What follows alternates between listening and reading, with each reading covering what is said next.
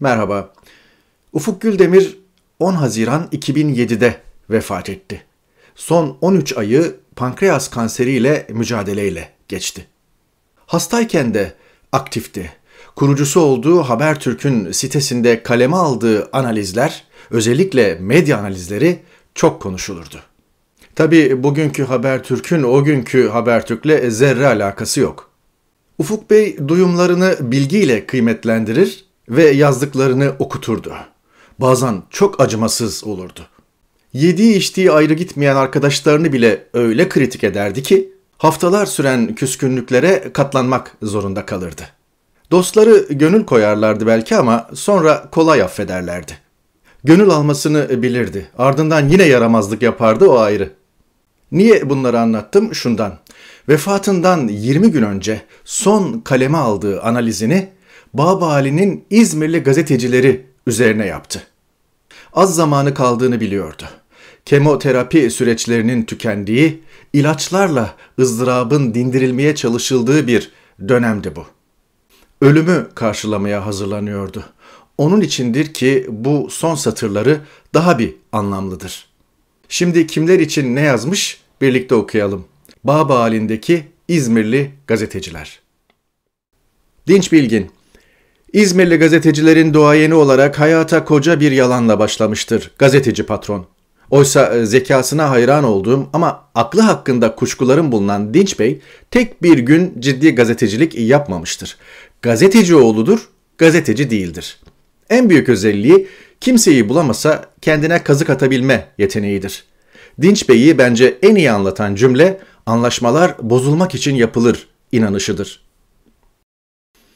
Ertuğrul Özkök Dinç Bey İstanbul nezdindeki İzmir Felt Mareşali gözükse de asıl büyük İzmirli Özkök'tür. Dinç Bey'in aksine Ertuğrul hem zekidir hem de akıllıdır. Aklını da rüzgar sert estiğinde rüzgarın üstünden aşıp gitmesiyle gösterir. Kimi bunu bir ihanet, bir döneklik olarak görür. Ben akıl olarak görürüm. Ertuğrul köşe yazısının ömrünün bir günlük olduğunu bilecek ve bunu önemsemeyecek kadar anlamıştır bu mesleği. Daha da ötesi kariyerden gazeteci olmamasını içime sindirebildiğim tek gazetecidir.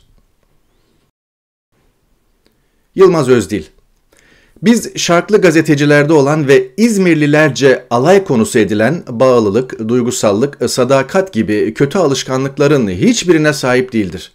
İçimden zaman zaman keşke bu çocuk Malatyalı, Maraşlı, Gümüşhaneli, Trabzonlu olsaydı diye zaman zaman geçirmişimdir. Erdal Şafak Sabahın genel yayın müdürüyken gece yarısı telefon çaldı, tuvaletteydim. Arayan yazı işleri müdürlerimden İzmirli Erdal Şafak'tı. Efendim dedi, üst makamlar ANAP grup haberinin birinci sayfadan verilmesini, Tayfun Devecioğlu'nun Bülent Ecevit'le Afyon seyahatinin birinci sayfadan anonslanmasını istiyor. Yahu kardeşim dedim, bu gazetenin en üst editoryal makamı benim. Benim üstümde patron Dinç Bilgin ve Murahhazaza Zafer Mutlu var. Eğer bu onların talebi ise hemen yapayım.